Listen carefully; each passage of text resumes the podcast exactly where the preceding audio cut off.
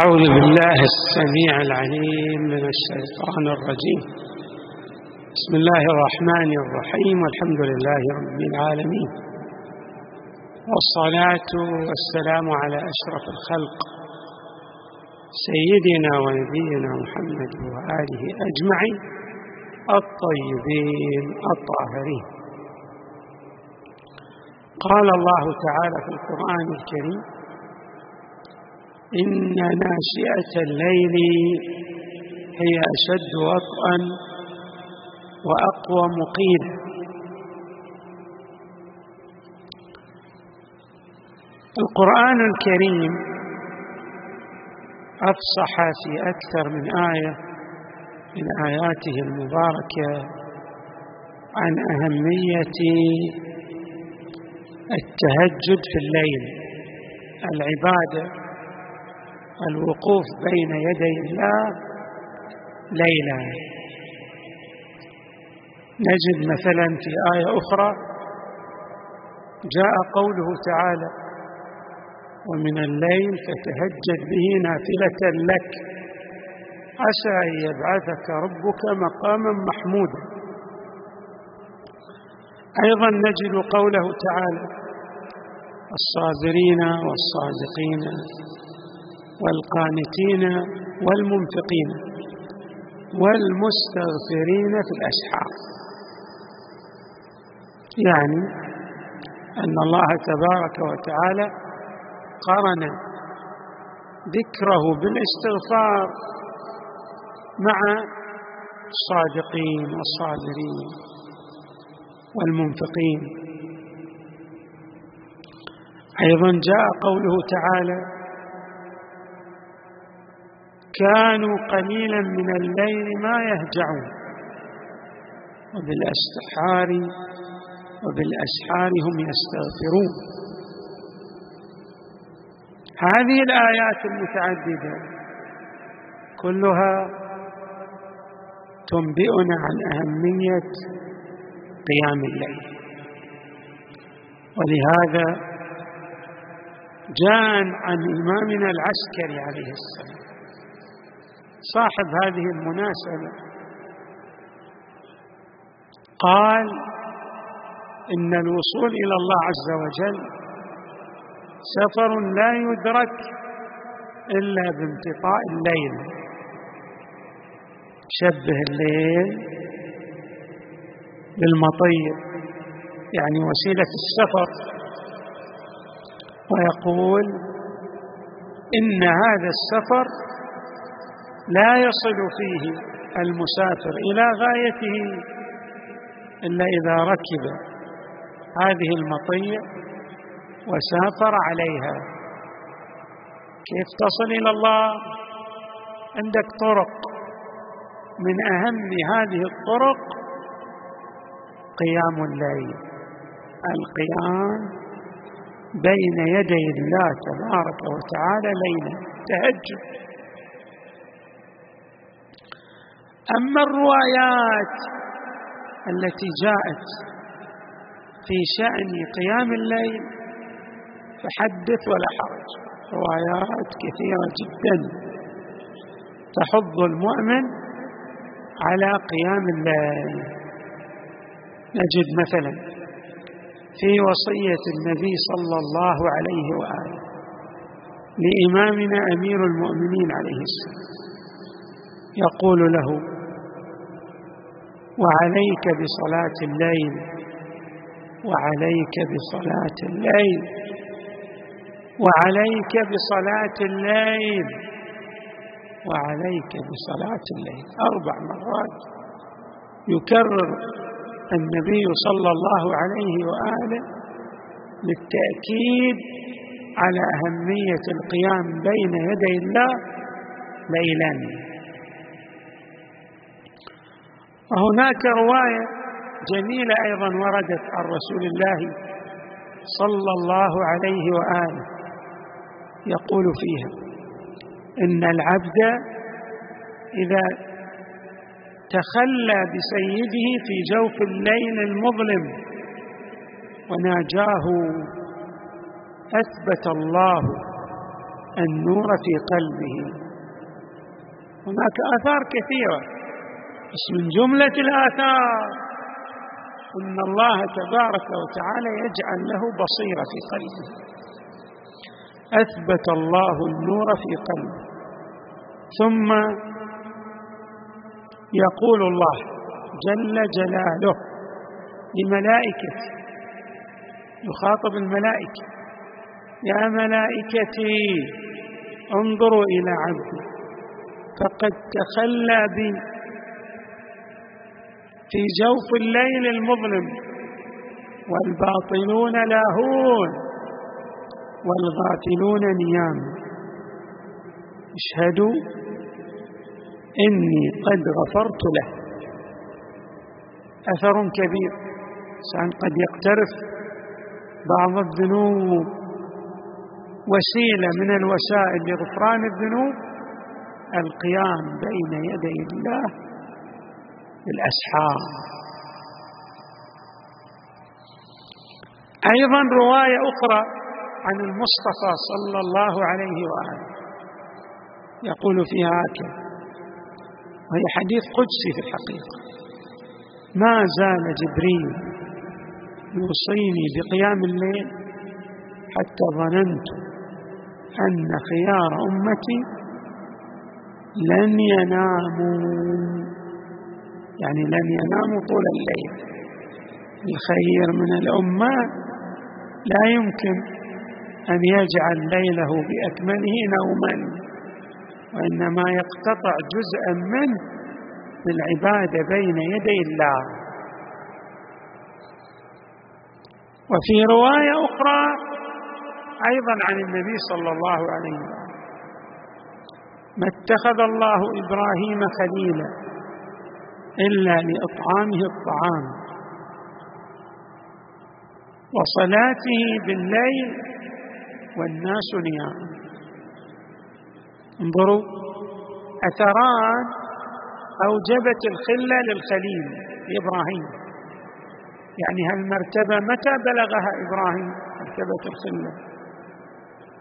عندما كان يتصف بالكرم. هناك روايات تشير إلى أن إبراهيم ما كان يأكل الطعام وحده. دائما يدعو شخصا آخر ليأكل معه. يعني عنده كرم دائما يبذل المال والطعام لغيره. وفي الرواية عن إمامنا الصادق عليه السلام شرف المؤمن صلاته بالليل. يعني كيف الإنسان يضع على نفسه وسام شرف؟ وسام الشرف للمؤمن هو القيام بين يدي الله والتهجد في الأسحار. ثم يقول الإمام الصالح وعز المؤمن كفه عن أعراض الناس. العز لك ما تتكلم في غيرك. ذلك فيه وذلك فعل كذا وذلك قام بالفعل الفلاني. هذا الكلام السيء يوجب المقت ويوجب عدم التوفيق لقيام الليل. هناك تجارب بالصالحين والعلماء. في محاسبتهم لأنفسهم. إذا رأى نفسه ليله من الليالي لم يقم بين يدي الله بالتهجد فيعرف أن ذلك كان لكلام صدر منه مثلا أو لذنب اقترفه أو لتقصير. أيضا روايات كثيرة تبين لنا الأهمية الفائقة لقيام الليل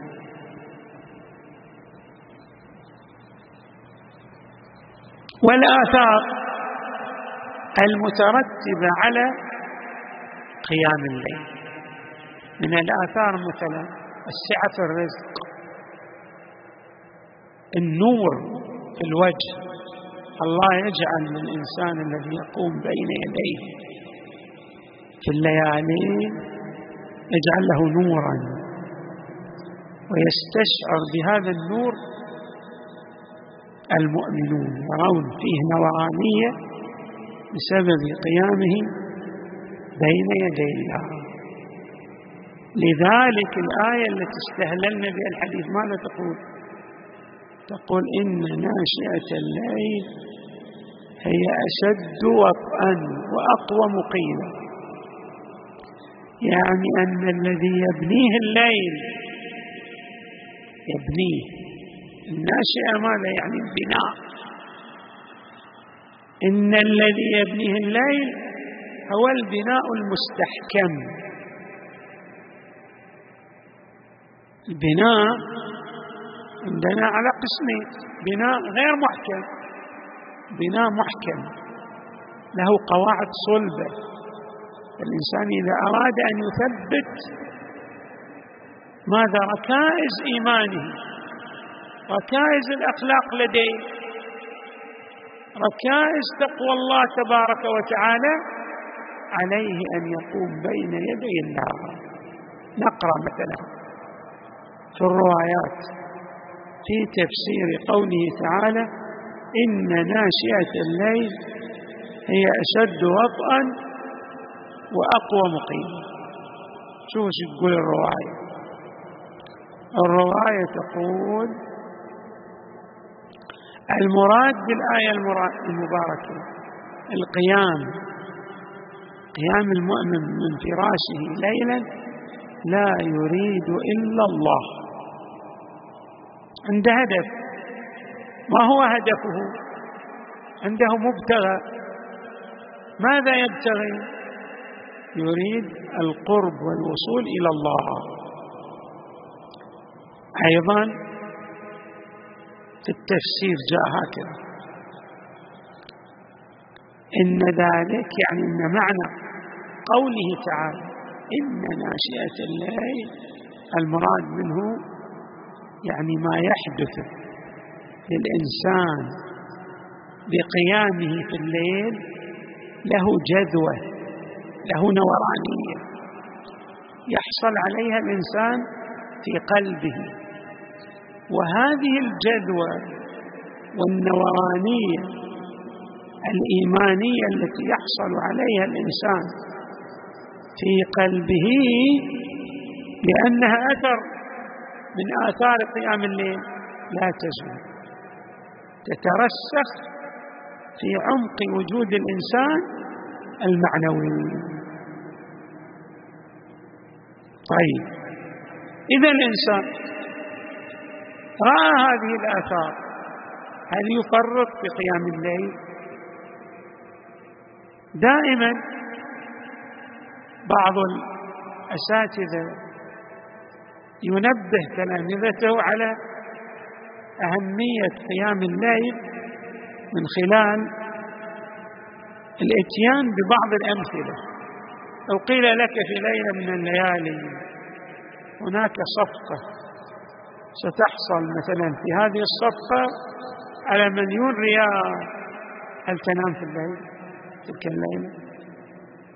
تبقى مستيقظا. كي تحصل على هذه الصفقة المربحة. هذا الأستاذ يقول إن القيام بين يدي الله في أي ليلة من الليالي ليس له ثمن.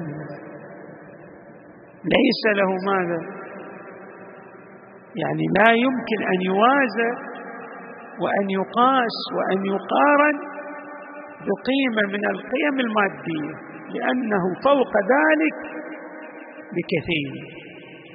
ولهذا نرجع إلى رواية إمامنا العسكري عليه السلام لأنه سفر سفر. لا يقطع هذا السفر إلا بامتطاع هذه الدابة اللي هي الليل هذه المطية التي هي الوصول إلى الله عز وجل سفر لا يدرك إلا بانتقاء الليل.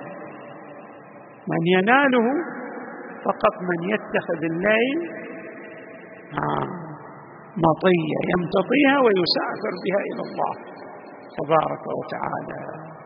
نسأل الله تعالى بحق إمامنا العسكري عليه السلام أن يجعلنا وإياكم من الذين يقومون جزءا من الليل بين يدي الله ليصلوا إلى هذه الآثار العظيمة الواردة في الروايات. والحمد لله رب العالمين. وصلى الله وسلم وزاد وبارك على سيدنا ونبينا محمد وآله أجمعين الطيبين الطاهرين.